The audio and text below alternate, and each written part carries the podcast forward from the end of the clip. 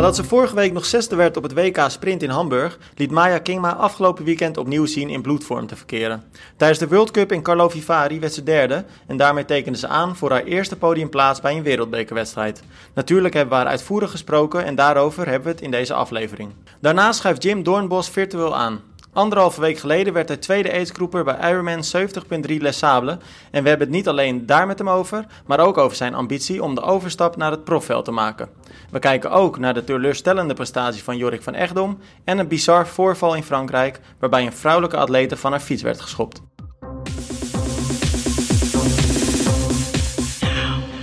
Jongens, jongens, jongens. Het is een uh, understatement denk ik om te zeggen dat het echt de week van Maya Kingma is. Wat een prestaties van haar, uh, Arjan. Ja, ja, echt geweldig. Zij, uh, laat normaal, wel, toch? Zij laat wel zien dat ze een stap gemaakt heeft afgelopen winter. En, ja. Had jij het verwacht, uh, Romy, na die, na die zesde plek bij het WK in Hamburg natuurlijk, het WK mhm. Sprint. Nu een, uh, een Olympische afstand in, uh, in ja. Tsjechische Karlovy Vary. Wereldbekerwedstrijd. Nou ja, het is natuurlijk een hele andere discipline. Twee keer zo lang, mm even kort gezegd. Uh, ja, dat, dat, dat is dus een hele andere discipline. Ik zei het net al. En dan weer zo sterk. Zag jij dat aankomen? Nou, nee. Als, als je me sowieso twee weken geleden had gevraagd, dan had ik het niet zo, had ik er, ja, niet zo verwacht. Maar goed, we hadden Maya eigenlijk ook nog niet veel in actie gezien, behalve in Rotterdam. Maar sowieso vorig weekend zag ik niet aankomen. Na vorig weekend dacht ik dit weekend van nou oké, maar ja, daar, daar moet wel rekening mee worden gehouden. Maar ik dacht inderdaad, omdat wat je zegt, het lopen toch nu wel... Of ja, alles is natuurlijk langer, dubbele afstand. Eh, had ik wel mijn twijfels over het lopen, of ze dan uh, die aansluiting zou kunnen blijven houden. Maar uh, ik zat ook echt op het puntje van mijn stoel te kijken. Ik was zo bang dat ze nog terug zou zakken. Maar het was heel tof om te zien dat dat gewoon totaal niet gebeurde. En dat ze uiteindelijk gewoon naar het podium toe liep. Heel nou ja, inderdaad, sterker nog, want ze zakte dus inderdaad niet terug. Ze, ging gewoon, ze won gewoon nog plaatsen tijdens het lopen. En dat is eigenlijk iets wat we nog nooit gezien hebben bij, nee. uh, bij uh, Maya. Maar ik zag dat ze zelf ook echt dacht, volgens mij, van wat gebeurt hier? Want op een gegeven moment raapte ze Leermond, was dat volgens mij nog op. Uh, want die liep op de derde plek dan, dus die, toen nam ze de derde plek van over, redelijk vlak voor de finish.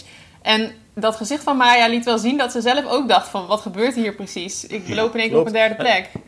Ja, nou, het was heel grappig, want ik heb een uh, uur ongeveer na de finish uh, met Maya uitgebreid gebeld. En uh, ik heb het natuurlijk daar met haar over gehad. En ze zei ook van, nou ja, op een gegeven moment liep ik, liep ik zesde. En zag ik dat ik op een gegeven moment zelfs naar de vijfde plek was opgerukt.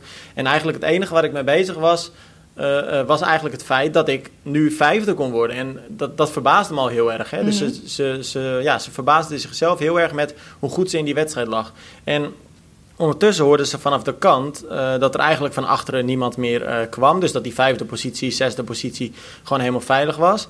Uh, maar ondertussen zag ze ook inderdaad, nou ja, Jessica Leermond dus op die derde positie. Want ze was op een gegeven moment drukte ze al naar de vierde plek op. Mm -hmm. Zag Jessica Leermond op de derde plek 20 seconden voor haar lopen. En ze merkte gewoon, hé, hey, dat, dat gaatje wordt eigenlijk steeds, steeds kleiner. En op een gegeven moment liep ze, liep ze vlak achter haar. En toen heeft ze uh, ja, toen dacht ze eigenlijk van, nou, ik kan nu twee dingen doen. Ik kan of eventjes erachter blijven hangen en uh, ja, een beetje bijkomen. Ik kan ook eigenlijk een volle sprint trekken, er voorbij gaan en de indruk wekken dat ik de hele tijd zo hard loop. En nou ja, dat tweede heeft ze gedaan. En binnen een paar honderd meter had ze gewoon een, een gat op Jessica Leermond. Liep ze dus derde. Ja. Nou ja, en, en, zo heeft ze uiteindelijk die bronzen medaille binnen weten te halen. Ze zijn nog wel die laatste twee kilometer, dus vanaf de acht kilometer uh, lopen uh, gehad. Uh, ja, toen werd het echt wel zwaar. Ze zei, ik, ik begon ja, mijn benen natuurlijk enorm te voelen. Ik, ik kreeg moeite met ademhalen. Maar ik heb zo lang mogelijk proberen te pushen om, om dat brons veilig te stellen. Ja, en, en vervolgens bij de finish tranen van geluk, jongens. Ja, ja ik zat ook met tranen in mijn ogen te kijken. Ik heb er echt nog nooit echt, zo zien lopen. Zo, maar ook 43 uh, seconden nog op Leurmond gepakt, hè? Dat is echt niet niks. Ja, bizar. Dat is echt veel nog. En uiteindelijk maar 13 seconden achter uh, Georgia Taylor Brown op de tweede plaats zelfs. Kijk, Flora Duffy was, gister, of, uh, was van het weekend echt een uh, uitzondering op loopgebied. Die was gewoon echt uh, ja. bijna nou, meer dan anderhalve minuut sneller dan iedereen. Maar jeetje, Mina, wat, wat Maya daar laat zien, dat was echt, echt geweldig hoor. Ja, en grote namen achter zich gelaten ook wel weer. Ja. Gewoon Ja, die ook wel weer een off-day had of zo. Ja, Severus die komt er niet doorheen hoor. Want we hadden het vorige week al over uh, dat, dat Severus ja, een off-day had. Maar ja, ze wordt nu weer elfde. Met een looptijd die ruim twee minuten langzamer is dan Maya. Dus kennelijk is die gewoon echt niet in vorm. Nee, ik vond het op nee, de fiets ook al niet goed uitzien bij uh, en Rachel, Rachel Klamer ook niet, niet helemaal weer nog niet de oude, want die werd zestiende. Is ook niet... Weet je waar ik me hard voor vasthoud? Ik denk dat Rachel een, uh, een matig seizoen uh, gaat hebben. Goed, het seizoen is ook niet heel lang meer. Eigenlijk is het, uh, gaat het alweer naar zijn einde natuurlijk toe. Maar ze kwam nu met tranen ook over de streep. ik denk dat het voor haar een emotioneel gewoon een heel zwaar jaar is. Natuurlijk ja. naast het verlies van haar moeder. ja, het, ik denk dat ze daar nu toch een enorme klap van, van krijgt. En uh, ondervindt ook eigenlijk. Dat denk ik ook. En ik denk daarbij ook, Carlo, uh, Carlo Vivari. Ik heb zelf een keer daar een wedstrijd gedaan, het EK. Uh, junioren. En het is wel een parcours hoor. Het is wel een, uh, zeker op de fietsen, is, het, is dat echt een, een heftig parcours. Het is wel iets anders dan in de jaren dat ik hem daar deed. Maar ik zag nog steeds dat er flink veel klimmen in zat. En mhm. ja, maar normaliter is dat volgens mij wel een parcours dat Rachel aardig op het lijf geschreven is. Is natuurlijk een, ja, toch een licht gewicht. Er zit ja, hier maar... een rondje stijging van 20% in. Ja, ja bizar. Ik, ik weet nog in de tijd dat ik hem daar deed, de, de reden langs het, volgens mij het theater wat daar zit, links naar boven over de kasseien heen. Dat ging gewoon 20% omhoog. Dus echt, er zitten klimmetjes daar in, in dat plaatsje. Dat is echt niet te filmen hoe stijl dat is. En nou Maya die heeft zich met fietsen gewoon keurig weten te handhaven. En zelfs gewoon richting uh, zeg maar die achtervolgende kopgroep weten te draaien. Nou ja, dat vooral Arjan, dat laatste. Want ze heeft zich juist niet echt gehandhaafd. Ze heeft juist heel erg uh, bewust de, de keus gemaakt om niet rustig aan te doen. Ook zich niet te verschuilen in een groepje waarin ze terecht kwam. Ze heeft heel bewust alle, alle klimmetjes opgeknald. En boven is ze vervolgens nog doorgereden. Ik, ik sprak uh, daar ook met haar over. En toen zei ze ook, ja, ik heb dat heel bewust gedaan. Want ik kon of nou ja, wat rustiger aandoen en uh, nou ja, zien wat er zou gebeuren. Maar ze had heel erg het idee dat ze eigenlijk sterker was dan die andere dames. Dus toen heeft ze gezegd, wat ik gewoon ga doen, ik ga het heel zwaar maken. Maar ik maak het niet alleen mezelf zwaar. Waarschijnlijk, waarschijnlijk maak ik het die andere dames nog zwaarder. En nou ja, het heeft goed uitgepakt. Ja, ze zijn ook uiteindelijk, want er waren er twee dames waren ontsnapt, Safirus en Leermond. Die uh, gingen er samen vandoor op de fiets. Waarbij Safirus uiteindelijk het af liet weten en zich terug liet zakken naar het groepje van uh, Maya, wat er achteraan ging. En tot de helft van het fietsen um, liep dat, liepen zij met z'n twee iets uit op de achtervolgende groep. Dus met daarin Maya. Maar in de laatste rondes wisten ze dat nog wel uh, ietsjes, uh, iets meer dicht te rijden. Volgens mij uiteindelijk ja. 20 seconden of zo zaten ze er nog uh, achter. En je zag ja, we waren vorige week ook nog een beetje aan het speculeren hè, over. Um, want Maya die was natuurlijk toen uh, op het WK ook fenomenaal. Had wel een slecht zwemonderdeel. Mm -hmm. Maar uh, toen zeiden we van hoe zou dat nou kunnen? Had ze dan een off-day? Maar het was nu precies hetzelfde hier ook in Carlo Vivari. Ja. En nu heb ik het wel aan haar gevraagd. Maar het was eigenlijk. Um, heel simpel de uitleg. Het was een wetsuit swim. En als sterke zwemmer uh, ben je dan toch een beetje in nadeel. Want je kunt gewoon niet heel erg het verschil maken zoals je dat normaal kunt ja, doen. Maar, toch vind, dus maar je ziet Leermond wel heel sterk Zo. zwemmen. Ook met een maar wetsuit. Die, die dus, pakt gewoon een minuut op Maya hè, met het zwemmen. Dat was niet normaal. Dat is echt bizar. Ja. Maar die is echt sterk op het zwemonderdeel. Alleen, ja, die moet echt een mazzel hebben dat ze gewoon drie, vier meiden meekrijgt die, uh, die super sterk zijn op de fiets ook. En dan kan ze nog een mooi gat houden. Want nu, die 20 seconden is dan niet voldoende. Dat zie je nu op zo'n zwaar parcours. Maar anders kan die wel vooruit blijven. Maar die is sterk op het zwemonderdeel. Niet normaal. Ja, want ik vond ja. haar aanpak ook wel bijzonder. Dat ze zo ver, eigenlijk had ze zich misschien bijna beter wat in kunnen houden met zwemmen. Ja. Want nu zat ze in haar eentje. En uiteindelijk verloor ze nog wat tijd doordat ze haar wedstrijd niet goed uitkreeg in de eerste wissel. Waardoor eigenlijk Savirus nog wel met haar mee kon. Misschien is dat nog wel een geluk voor, voor haar geweest, want anders zat ze helemaal alleen op de fiets. Nou, je zegt het inderdaad, want die wisseltijd van al die meiden stond in de eerste wissel zo rond de 30 seconden. En Leermond die doet er bijna een minuut over. Oh ja, was dat zo'n groot verschil? Ja, dat is echt zo'n groot verschil. Dat is echt bizar. En dan ja. inderdaad, uh, uh, we hebben het over Savirus, die som gewoon uh, 25 seconden langzamer. Maar weet, weet de aansluiting te vinden door zo'n slechte wissel. Ja. ja. Ja, nou, wat ik wel uh, tof vond ook, uh, dat vind ik ook nog wel grappig om eventjes te zeggen. Want nou ja, voor de zoveelste keer, ik sprak Maya dus. Uh, en moet je dus nagaan, dan wordt ze dus zesde op een WK. Ze wordt derde op, het, op de wereldbekerwedstrijd. Maar ze had eigenlijk nog iets moois deze week. Ze was geslaagd voor haar masteropleiding op de universiteit dus. En toen vroeg ik aan haar, want ze hoorde dat eigenlijk de ochtend voor de wedstrijd. Dus de, de, de wedstrijddag zelf. En toen vroeg ik aan Maya, wat zou je nou ehm, eerder inruilen? Zou je nou die, die masteropleiding, die, die, die, hè, je diploma willen inruilen voor die derde plek? Wat vind je nou belangrijker? Nou, en er zat geen greintje twijfel uh, bij Maya. Ze zei, ik vind die opleiding echt veel belangrijker. Sport uh, zou ik ook bijvoorbeeld volgend jaar nog kunnen pieken. En uh, ik vind het gewoon heel belangrijk dat, dat, dat je naast je sport, topsportcarrière ook uh, ja, oog hebt voor je, voor je opleiding. Ja. Nou, ik vind het een uh, bewonderenswaardige instelling. Nou, ja. zeker weten. Ja, weet je, ze laten gewoon zien dat ze, dat ze in alle facetten gewoon top momenteel is.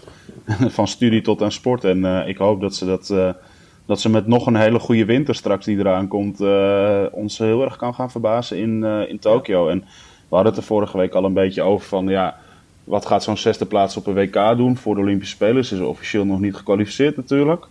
Uh, ik denk dat ze nu laat zien, ondanks dat dit een World Cup is en geen, geen WTS-wedstrijd. Het is wel een World, Cup waar gewoon veel grote namen aan de start staan. Dat ze daar ook weer goed presteert. Ik, ik zou als Bond nu al de discussie met de NOC willen aangaan voor uh, kwalificatie voor Maya. Terwijl dit Maya vleugels geeft, denk ik ook dat het Rachel juist heel erg, dat het heel erg tegen Rachel kan gaan werken. Dat het mentaal voor haar wel eens zwaarder kan worden. Dat, ze een soort dat heb ik ook nog gevraagd aan Maya. Dat is inderdaad grappig dat je het zegt. Want ik heb het dan natuurlijk andersom gevraagd. Ik vroeg aan Maya van, iedereen kijkt eigenlijk altijd naar Rachel Klamer natuurlijk. Mhm. Eh, toch een beetje het uh, toonbeeld van de Nederlandse triathlonsport. zeker bij de dames natuurlijk. Ja. En toen zei ik, merk je nu een beetje dat dat verandert. Hè? Want je hebt er nu twee keer bij een grote wedstrijd verslagen. Mhm. Eh, merk je daar nog wat van? En uh, Maya zei eigenlijk, ze lachte er een beetje om. En toen zei ze, nou, heel eerlijk, ehm, ik ben daar niet heel erg mee bezig. Ik uh, kijk eigenlijk bij elke wedstrijd is iedereen voor mij gewoon een, een, tegenstander. Iedereen, elke dame is voor mij een tegenstander. En dan maakt het mij niet uit of dat een Nederlander is, een, nou ja, een Frans, Française, een Chinese. Het maakt me echt niks uit iedereen wil ik gewoon verslaan. En of dat nou Rachel is of uh, wie dan ook, geen verschil voor mij. Uh, nou ja, verder bleef ze daar natuurlijk een beetje op de oppervlakte, dat snap ik ook wel. Maar ik denk dat het de uh, juiste instelling ook is. Want uiteindelijk heb je, je kan wel kijken naar de Nederlandse dames, maar het gaat uiteindelijk om dat je het podium wil bereiken in een internationale wedstrijd. En dan moet je gewoon iedereen verslaan. En dat maakt niet uit of maar ik ben het wel met Romy eens dat ik uh, wel denk dat het voor Rachel inderdaad precies andersom werkt. En dat dit best wel eens in haar ja. kopie kan gaan zitten. Want het is natuurlijk niet fijn als je eigenlijk altijd nou ja, wint. En dan dus van, de, van je Nederlandse concurrentes. En nu twee keer ook best wel fors wordt verslagen. Dat, dat gaat echt wel meespelen in je gedachten. Ja, ja dat, dat gaat de volgende keer in haar hoofd zitten, denk ik, als ze aan de start staat van een wedstrijd. Ja. Dan gaat ze Kingma in één keer toch een heel stuk serieuzer nemen. En misschien wel een beetje bang voor zijn, zeg maar. En, uh, ja, het kan twee kanten op werken, denk ik. Het kan inderdaad ja, precies nou, wat jullie zeggen. En ik denk uh, aan de andere kant kan het ook misschien juist nu wel Rachel de rust geven die ze nodig heeft. Omdat ze denkt van oké, okay, de spotlights zijn nu, nu niet zo op mij. En ik kan eventjes onder de radar zo, zomaar, zo gezegd eventjes uh, terugkomen richting weer een wereldprestatie. Ja, ja. ja dat is moeilijk te zeggen. Ik hoop, maar Rachel uh, heeft altijd in de luxe positie gezeten dat zij altijd echt um, duidelijk de nummer 1 was als het op de korte afstand aankomt ja. in Nederland. En nu in één keer is daar toch iemand die naast haar komt te staan, zeg maar.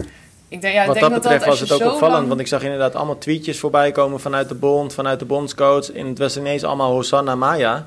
En ja. Uh, nou ja, dat is toch iets waar, waar Rachel ongetwijfeld aan moet, uh, moet gaan wennen. Want één ding is wel duidelijk. Uh, als er iemand een goed momentum heeft, dan is het nu Maya. Zeker. Ja, precies. Zeker. Maya is ook nog een stuk jonger. Iemand dan... Uh, ja, nou ja, ook dat inderdaad. Hey, maar daarover gesproken, over momentum gesproken. Iemand die dat uh, niet heeft. En dan gaan we eventjes een, uh, een bruggetje slaan naar de mannenwedstrijd. Die was een paar uur eerder dan de vrouwenwedstrijd. En wij hadden het er vorige week ook in de podcast met elkaar over. En we hebben het ook wel vaker op kantoor daarover met elkaar. Ehm, wij zeiden vorige week in de podcast... Het is een beetje de vraag wat Jorik van Echtdom gaat doen. En dat vroegen we ons vooral, voornamelijk af omdat we Jorik eigenlijk nergens in actie hebben gezien. Hij sloeg Rotterdam over. Hij uh, deed vorige week um, Hamburg, pardon, Hamburg, Hamburg uh, deed hij alleen de mixed team relay. Was hij ook niet heel sterk. Uh, of eigenlijk gewoon kwam hij best wel wat tekort om de aansluiting te houden. Um, ja, dan was het nu dus de vraag wat hij in Carlo Vivari ging doen. Nou ja, Romy, jij hebt de wedstrijd uh, gevolgd om verslag te doen. Mm -hmm. Maar het was niet heel erg best, geloof ik. Nee, nee, het was wel pijnlijk om te zien. Want hij had, kwam na het zwemmen al op een behoorlijk achterstand uit het water. 2,5 minuut. Nou, dat is natuurlijk echt uh, heel flink. En met het fietsen... 2,5 minuut, Arjan. Dan kijk ik gelijk eventjes naar jou. Dat is krankzinnig, toch? Ja, het is echt heel veel. En uh, nou, volgens mij, Romy en ik hadden voornamelijk ook wel wat app-contact tijdens de wedstrijd. Inderdaad, over tussentijden en dergelijke. en toen zeiden we al van, oh, dit wordt wel... dit wordt wordt wel heel lastig. Kijk, we weten allemaal dat het, wat we net al zeiden bij de dames, is een fietsparcours waar je best wel tijd kan goedmaken. Dus als je goed, goede fietsbenen hebt, zou je van de ene groep naar de andere groep kunnen springen. Maar dat had hij ook niet. Hij uh, wist wel wat mensen voor zich op te rapen. Maar uiteindelijk uh, verloor hij gewoon op de kop steeds seconden, of 20 seconden, 30 seconden per ronde. Maar 2,5 minuten op het zwemmen is gewoon veel te veel. Want hij zwom even uit mijn hoofd in de 19 minuut hoog, 19 minuten 40, 43. En om een vergelijk te geven, Mark van der Stel, die in de achtergevolgende groep zat en dus echt wel een goede wedstrijd voor hem had. 17e werd die zwom 18 minuut 14. En de snelste zwemmer 17 minuut 19. Dat is uh, Vincent Louis. Ja. ja, dan verlies je inderdaad gewoon 2,5 minuut op de kop en anderhalve minuut op de grote achtervolgende groep. Ja, dat is op een OD gewoon veel te veel om ja. Ook, en Romy, want Arjan die zegt dan, hè, die 2,5 minuten kun je eventueel van groep naar groep fietsen. Um, jij hebt de wedstrijd uh, live op beeld ook gevolgd. Maar 2,5 minuut is toch eigenlijk gewoon te groot. Dan kun je inderdaad wellicht een groepje oprapen. Maar terug naar die kop ga je nooit meer komen op de ja, fiets. Het scheelt dat je dus klimmen, dat, dat je iets minder voordeel hebt van zo'n groep. Dus je zou, als er dan inderdaad wat Arjan zei, een wedstrijd is waar je het nog kan, dan zou het wel deze zijn geweest. maar, in, ja, maar 2,5 minuut jongens, dat, dat, moet je zo nee, nee, Kijk, kijk, kijk weet je Tim, hij, hij, had nooit naar de kopgroep gereden. Vincent Louis en Vasco Villace, dat zijn ook sterke fietsers. Maar in theorie had hij, wat mij ziens, als er iemand goede fietsbenen heeft Kijk, Ala en Bloemenveld, Ala en Iden, die overigens ook allebei uh, uh, ene niet starten en de ander niet presteerden. Uh, vanwege allerlei... voedselvergiftiging was het. Ja, voedselvergiftiging en ziektes inderdaad in het Noorse kamp. Mm. maar dan zou je nog anderhalve minuut op de achtervolgende groep kunnen dichtrijden. En vanuit de achtervolgende groep zie je dan wel Jelle Geens bijvoorbeeld derde worden. Ja, dan, dan is er dus nog van alles mogelijk. Maar ja, dan moet, je wel, dan moet alles wel kloppen. En ja, als dat bij het zwemmen dan al niet klopt, dan is het al lastig om, om in zo'n wedstrijd te komen. Ja, en jij zegt dan moet alles kloppen, uh, Romy. Ik heb het idee gehad dat er bij Jorik uh, vrij weinig klopte deze race. Want uiteindelijk, nou ja, Arjan zei het net al, per fietsronde verloor hij dan toch wel steeds weer zo'n 20 à 30 seconden op, uh, op die snelste fietsers. Werd de achterstand dus steeds groter. Ik geloof dat hij op een mhm. gegeven moment iets van ene laatste lag binnen de race. Raapt uiteindelijk dan nog wel weer een paar gasten op die ook uh, wegwaaien eigenlijk van, uh, van voren. Maar goed, hij kwam dus eigenlijk al in een totaal geslagen positie van de fiets af. Begon nog aan het lopen, maar stapte uiteindelijk uit. Ja, die vorm, die heeft hij niet echt te pakken Nee. Ja, ik weet eigenlijk eerlijk gezegd niet of hij nog aan het lopen is begonnen, want ik heb hem daar niet meer gezien. Ik, voor ik dacht eigenlijk dat hij misschien na het uh, fietsen al stopte. Toen was de achterstand ongeveer vijf hij minuten. Heeft, hij heeft nog wel een wisseltijd, dus hij is wel het lopen opgelopen. Dus, oh, ja. um, maar dan is hij denk ik daarna snel uitgestapt, want volgens mij kwam hij daarna al snel niet meer door. Nee, want maar het, het verbaasde me wel een beetje. een kilometer. Want ik dacht eigenlijk van, god, dan heb je op de fiets nog wel geprobeerd om, uh, om door te gaan, zeg maar. Ik had verwacht dat hij met lopen, want vooral, ik gok dat het toch wel een soort van strijd is tussen Hillebrecht en uh, Jorik van Echt, om dan toch om, om die, ja, waar we het al vaker over hebben, die mixed relay posities. En uh, Hillebrecht zat voor hem. Um, ja, ik had wel verwacht dat hij nog alles eruit zou gaan halen om te proberen met het lopen Hille, um, ja, Donald Hillebrecht nog te kloppen. Maar die had dus ook weer echt een.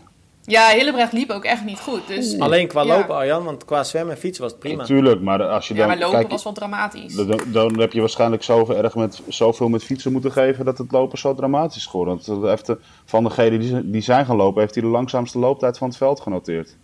Ja, hij heeft ja, 9, 22 respect, zat en ik durf hem hier best uh, te droppen in de podcast. En we hebben hem natuurlijk vorige week ook uh, kort uh, ingestoken al met elkaar.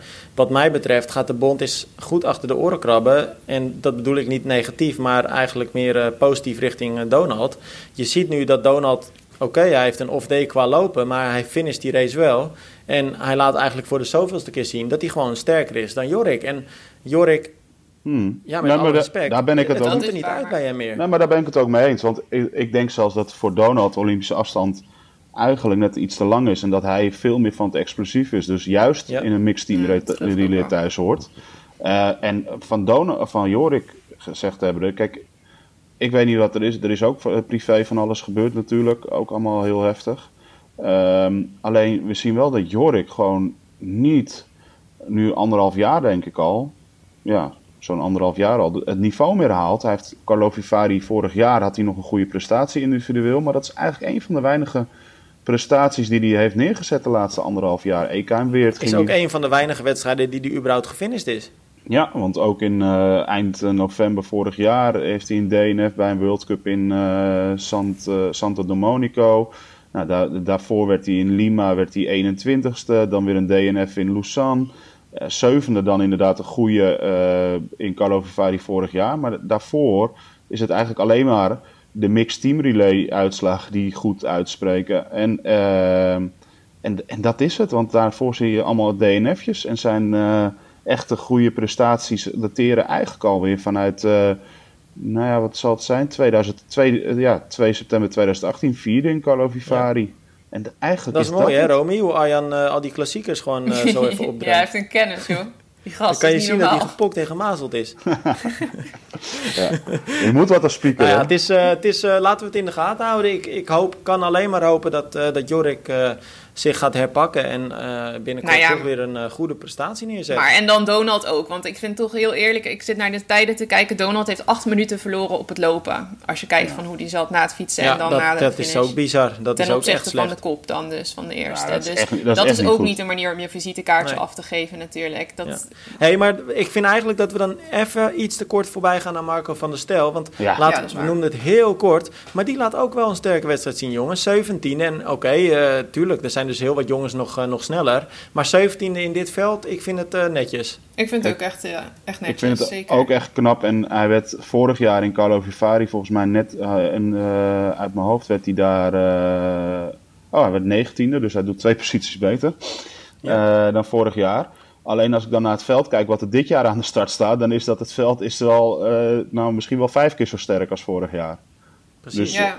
dus ik, ik vind het echt, eh, echt heel knap. Want vorig jaar eh, heb en je zeker na- na Hamburg is het een fijne opsteken voor hem. ja, want vorig jaar heb je namen als Samuel Dixon en Rafael Montoya en Grant Sheldon op het podium. Nou, niet heel veel mensen die daar ooit van gehoord hebben.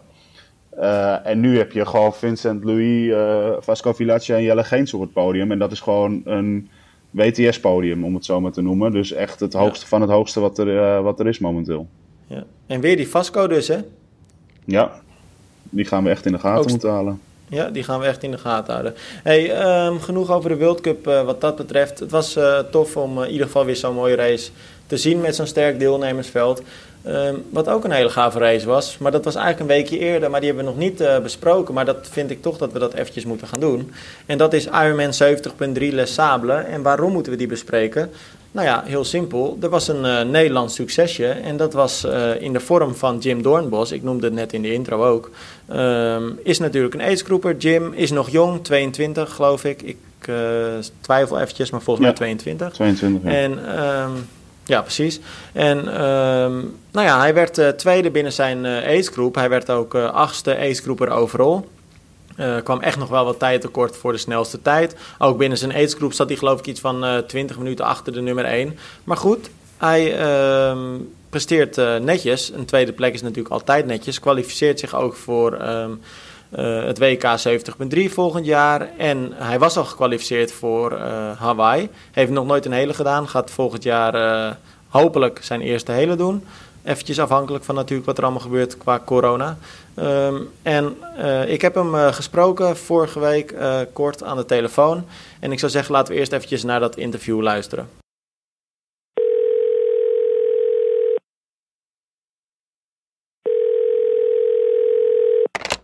Hey, waar ik je eventjes voor bel, ehm, want eh, hij is er een beetje tussendoor geglipt bij ons. Maar jij hebt een, eh, een lekker weekje achter de rug. Tenminste, ik denk dat je een lekker weekje achter de rug hebt. Want je hebt goed gepresteerd. Niet afgelopen weekend, maar het weekend daarvoor. Bij Ironman 70.3 Les Sables. Want daar werd je gewoon eventjes tweede in je agegroep. Ja, dat klopt, ja. Ja, eh, ja eh, week dat er weer geraced kon worden. dus het weekend van Hamburg. Eh, mochten wij eindelijk weer in Les Sables aan de bak. Ja. Ja, het was heel lang, ja, heel erg onwennig. Van gaat het nou überhaupt door? Ja, we gingen eigenlijk met hele lage verwachtingen heen. Van nou, die week lasten ze het woensdag nog wel af. Ja. Maar ja, het ging gewoon door. Ja, het ging inderdaad door en het ging niet alleen door, het ging ook goed door voor jou. Want nou ja, ik zei het net al, je werd tweede in je aidsgroep. Achtste overal eh, bij de aidsgroepers. En dan pak ik eventjes je tijden erbij. Eh 4 uur 16 had je uiteindelijk nodig voor de wedstrijd. En dan zie ik dat je 26 minuten 31 hebt gezwommen, 2 uur 20 hebt gefietst. En nog 1 uur 24 hebt gelopen. Nou, dat zijn aardige, aardige tijden. En dat is eigenlijk een understatement. Het zijn hele goede tijden. Had je verwacht dat je zo goed in vorm was eh, in dit gekke jaar? Nou, eerlijk gezegd had ik er zelf nog meer van verwacht. Eh, Oh. Ik ben er wel tevreden mee, eh, dat als eerste, maar wij zwommen direct achter agegroep 40 aan. Dus het zwemmen was al heel erg druk. Daar heb ik eigenlijk niet echt mijn eigen ding kunnen doen. En ja, het fietsen, daar ben ik heel erg tevreden over. Dat was gewoon eh, wat ik waard ben op een heuvelachtig parcours. En het lopen was dan, ja, dat, daar merkte je gewoon dat je dan die, die wedstrijd hardheid wel mist in zo'n seizoen. Dus gewoon dat je, dat je tegen jezelf moet vechten, wat je in een normaal seizoen uh, ja, vijf, zes keer doet in een grote wedstrijd. Ja. ja, dat was nu natuurlijk weer eventjes te vierde Hoe, uh, hoe doe je dat dan tijdens zo'n wedstrijd? Want dan loop je dus blijkbaar een beetje tegen jezelf te vechten. Kom je jezelf misschien iets vaker tegen dan je, dan je gewend bent. Hoe ga je daarmee om tijdens zo'n uh, afsluitende run? Ach man, ja, het was eigenlijk... Daarmee om. Ik had er liever anders mee omgegaan. Want volgens mij heb ik vanaf kilometer 2 zitten balen van mezelf. Ah. Terwijl de, de, de feiten waren eigenlijk prima. Ik liep eigenlijk uh, hard zat voor ja, wat, wat er nodig was. Uh, maar ik was gewoon met mezelf alleen maar in strijd van... Ja, wat, wat, wat, een, wat een gedoe joh, ook alweer zijn halve. wat is het, ja, wat is het weer een end en wat is het weer, weer hard. Het is dan uh, ver ineens, hè? Ja, ja joh, dat is uh, natuurlijk, hartstikke graag, maar opeens was het toch wel weer... Uh, ja, game on, zeg maar. Ja, ja, ja. Is, dus, met, met, ik hoor daar meer atleten over. Hè. Die zeggen dan, uh, want dan zijn ze blij dat ze eindelijk weer mogen racen. Uh, het, ja, het gebeurt natuurlijk niet heel veel dit jaar. Bijna helemaal niet zelfs. Uh, maar dan moet inderdaad, nou ja, je zei het net al, die knop eventjes om. En dan blijkt het toch heel anders, zijn, anders te zijn dan zo'n training. Dat is echt een beetje dat stukje wedstrijdhardheid hè, wat je dan mist. Ja, ja, jongens, de sporters die zeggen dan van nou, het zit de pijn zo pijn en uh, doe mij maar een beetje pijn. en uh, ja, ik geloof ze echt niet jongens, het spijt me zeer, maar het doet gewoon pijn op zo'n moment. En uh, ja, dat is wat ik, dat is wat ik wil doen. Dus ja. ik er wel genoten. Maar ja, aan de andere kant, ik denk dat jij dat stiekem toch eigenlijk ook wel een beetje lekker vindt. Want ik sprak jou uh, kort uh, na de wedstrijd ook al eventjes. En toen zei je tegen mij, ik overweeg het om een beetje die overstap te maken naar het profveld. Hè? Want je hebt je nu gekwalificeerd voor uh, het WK 70.3 in St. George, in Amerika dus. binnen je aidsgroep. Um, maar als je zei, hè, als dat dan een beetje goed gaat, Hawaii eventueel. Dan ga ik, me daar eens, nou ja, ga ik daar eens over nadenken om dat te doen. Maar als je dat doet, zo'n overstap, ja, dan, dan wordt het wel heel serieus pijn leiden tijdens die wedstrijden. Ja, het is natuurlijk allemaal ook wel uh, deels sarcastisch. En natuurlijk, uh, ja, natuurlijk houden we ervan om een keihard te racen. Maar ja, ik had me al eerder dit jaar geplaatst voor Kona, of eigenlijk vorig jaar. Tijdens een Ironman in uh, Shanghai, in Algen. Ja. Daar ben ik toen ook tweede. En ja, ik, ik wou eigenlijk dit jaar, ik dacht dat het WK van Nieuw-Zeeland was. Ja, dat had ik al vrij snel uit mijn hoofd gezet. Want ja, dat kan ik allemaal niet blijven betalen. Maar ja, toen kreeg ik een mailtje dat het in... Uh, in St. George was en dat ik gekwalificeerd was. Ja, en toen zat ik eens zo te rekenen en even met mijn trainer overlegd. En ja, eigenlijk ben ik dan natuurlijk een soort van op weg naar Kona. Ja. Dus ja, toen hebben we besloten, uh, ja, let's go en uh, ja, gaan ervoor. Ja, en die wil je dan nu misschien gaan combineren met St. George, hè, geloof ik? Want dan kun je dat eventueel uh, kun je in, één, in één streep door eigenlijk. Ja, ja, exact. Dus we vliegen eerst richting ja, Utah, het ligt een beetje bij Vegas in de buurt. En dan daarna vliegen we door naar uh, Kona, is de planning. Ja, hey, voor de mensen. gewoon georganiseerd blijft zoals het is. Ja, laten we dat vooral hopen. Hey, voor de mensen die jou uh, misschien wat minder kennen. Uh, want ja, het is natuurlijk een feit. Profs uh, zijn iets bekender dan, uh, dan de gemiddelde aidsgroepers. Hopelijk gaat daar verandering in komen voor jou ook dan, nou ja, wellicht volgend seizoen al. Maar wat, wat is nou een beetje jouw specialiteit? Is dat echt die, die middle distance of toch die long distance? Ja, ik doe dit pas drie jaartjes serieus. Uh, afgelopen, of vorig jaar moeten we zeggen, vier halve gedaan en uh, vier keer op het podium.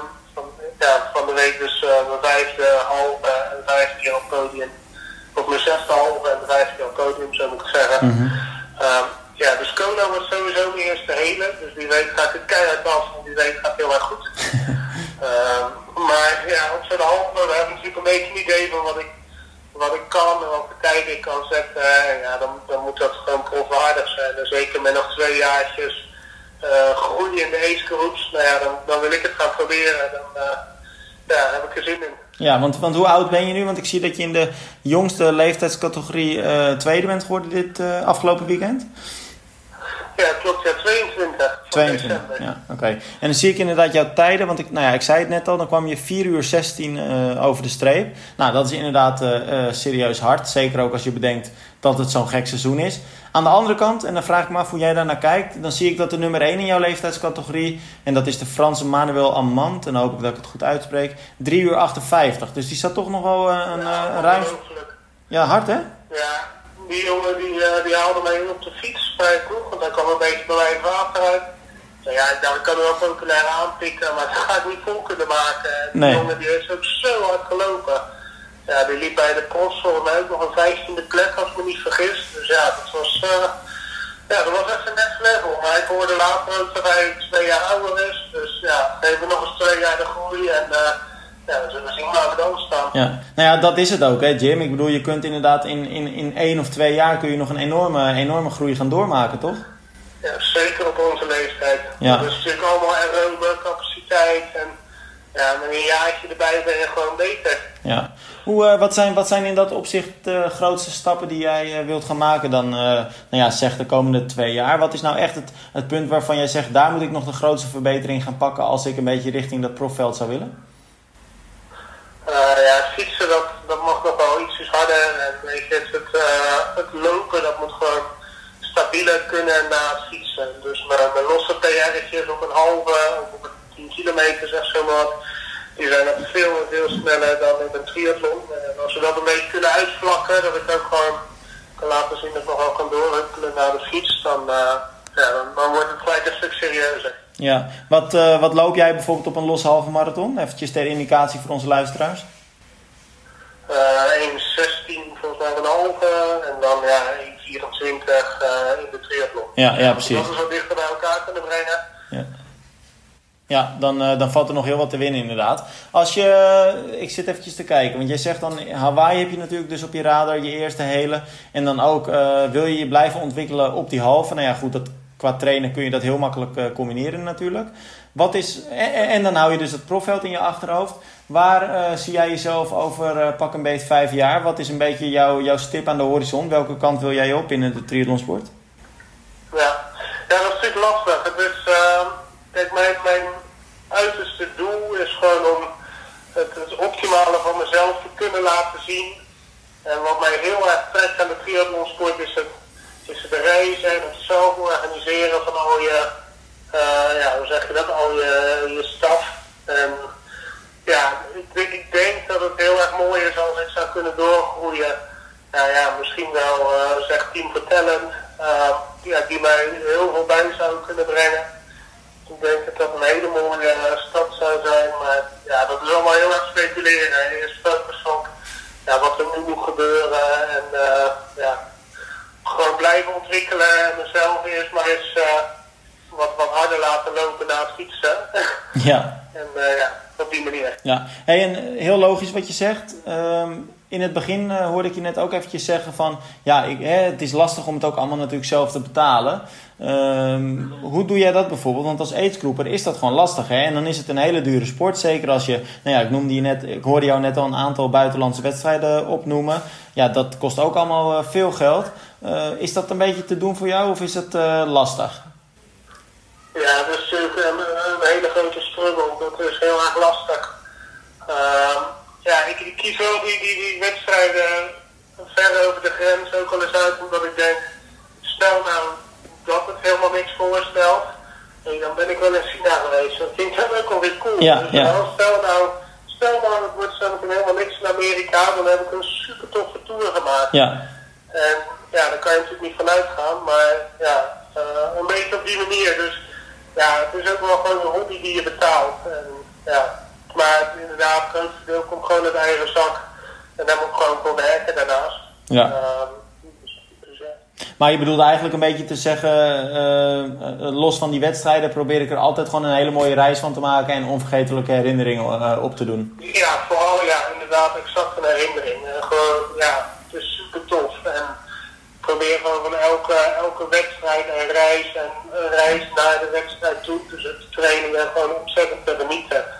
En ja, als ik het dan kan betalen, dan is het waard. En Ja. als ik het niet kan betalen, dan kan ik het niet doen. Dus Ja. ja, zo, uh, Ja, nou, de reden dat ik dat vraag ehm, is vooral omdat ehm, ja, we spreken natuurlijk regelmatig toch wel aidsgroepers die, eh, die twijfelen om eh, die stap te maken richting het profveld.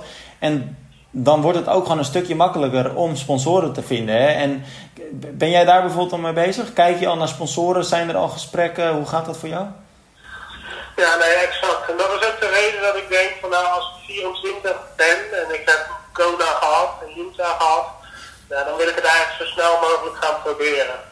ik heb nu een aantal goede sponsoren die me heel erg helpen. Bijvoorbeeld met de medische kosten en fiets en wielen en kleding. Nou ja, dat gaat allemaal best goed. Maar ja, een, reis naar Kona, niemand die komt met een ticket voor me aan. nee. Dat, dat, ja, dat blijft gewoon lastig. Ja, snap ik. Nou, het is wel een hele mooie reis die je nu al in ieder geval maakt, toch? Ja, zeker. Ja, het is onvergetelijk. En uh, ja, dus je laat ze daar gewoon uh, vooral mee doorgaan.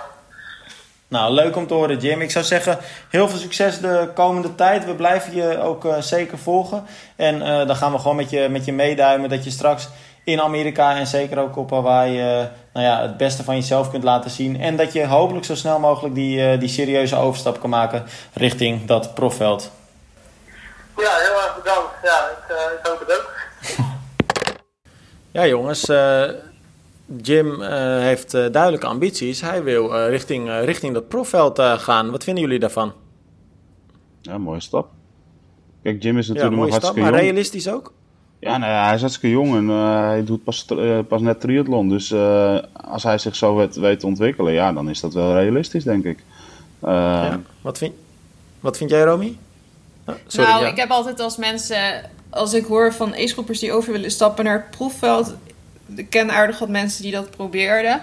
En dan uh, is mijn ervaring over het algemeen dat ze dat vies tegenvalt. Dat ze dan het goed doen in de agegroep en dan erachter komen dat het profveld toch wel even wat anders is. Volgens mij heb ik dat wel eens eerder in de podcast gezegd. Maar goed, dat betekent niet dat dat voor iedereen geldt. En ik ken Jim Doornbos eigenlijk niet zo goed. Ik weet niet zo goed wat voor een atleet hij is.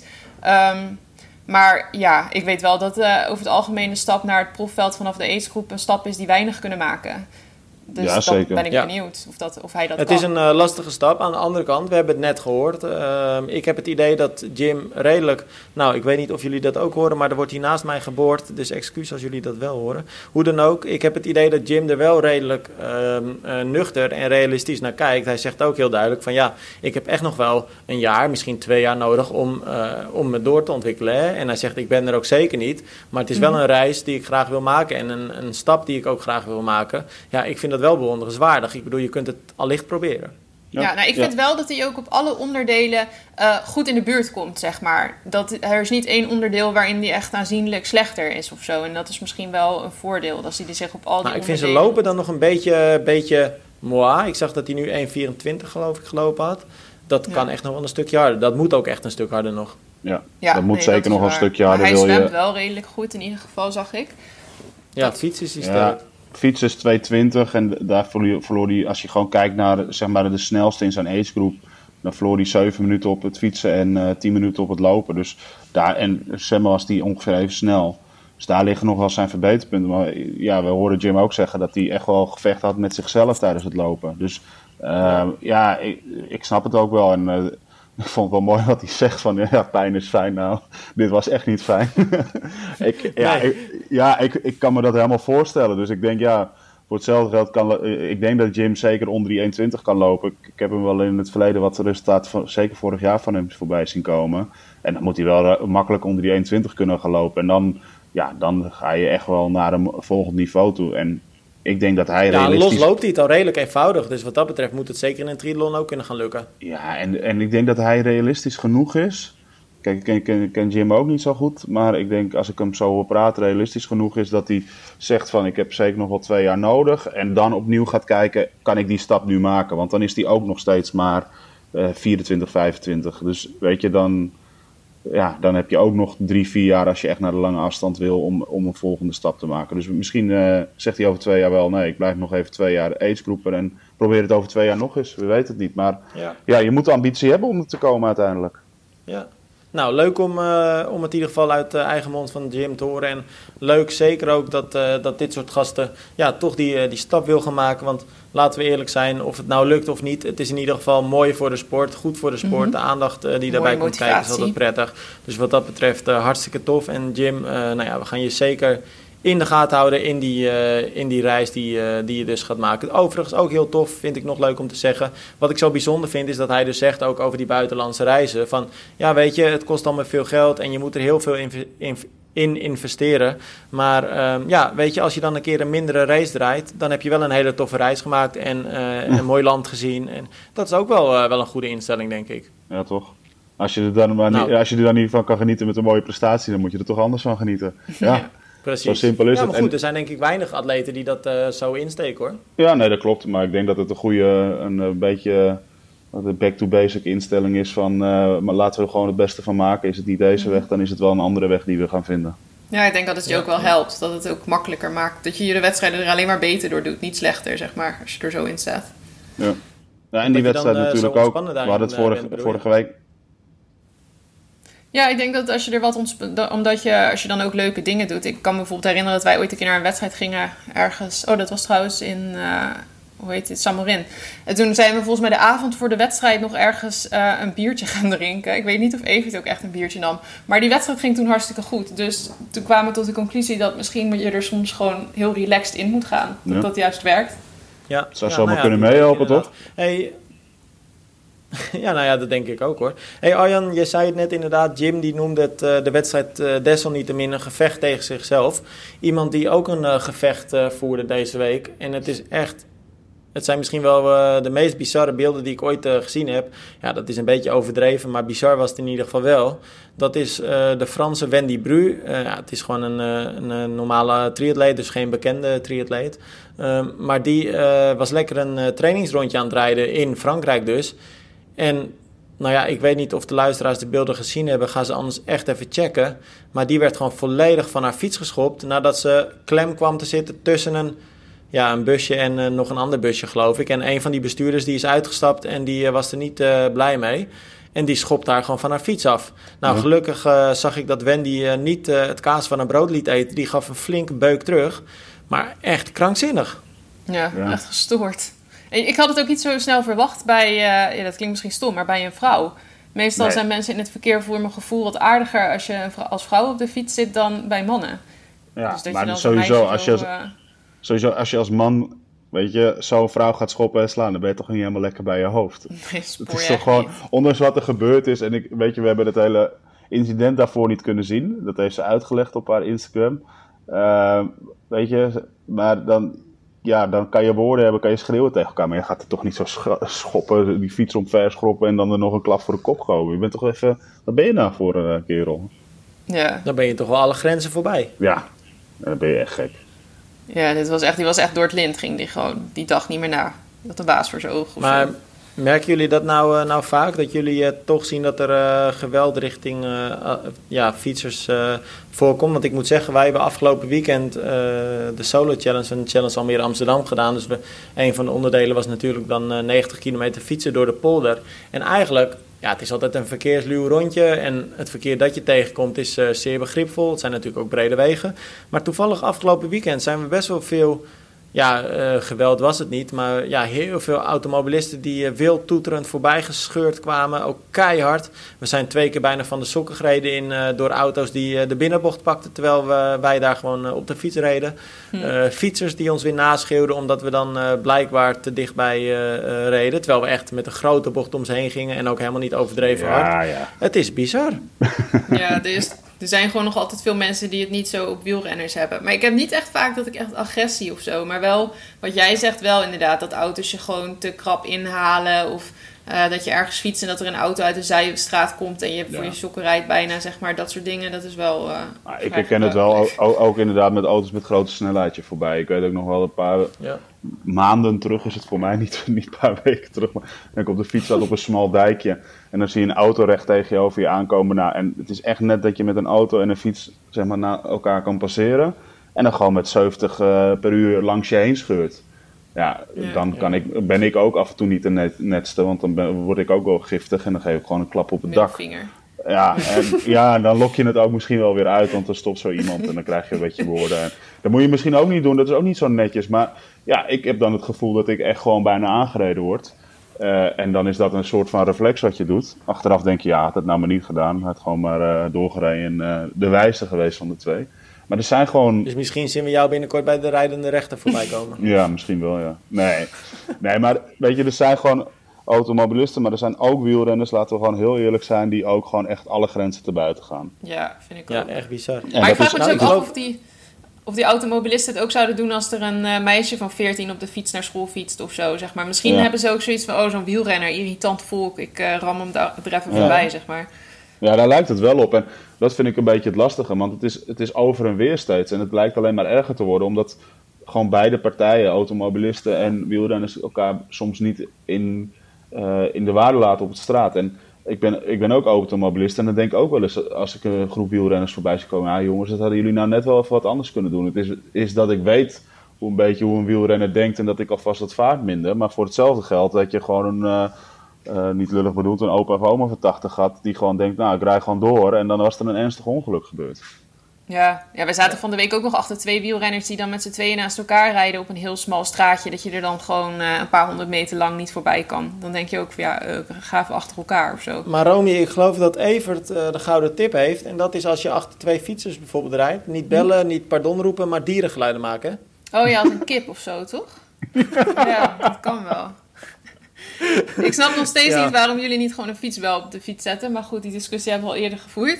Nou, dat is grappig dat je het zegt. Jort heeft een eh, fietsbel. En eh, het is een, eh, toch een voorval wat ook afgelopen weekend eh, gebeurde. We reden eventjes op een fietspad. En de reden, ik reed voorop. eh, Jort reed daar kort achter. En eh, Richard en Jeffrey reden daar ook weer eh, kort achter. En toen reden er twee eh, ja, mensen van een jaar of 60, 65 denk ik... op een tourfiets voor ons. En die reden ja, gewoon een kilometertje of eh, 15, 20 per uur of zo. En wij netjes, hoe heet het? Snelheid geminderd, we zaten erachter.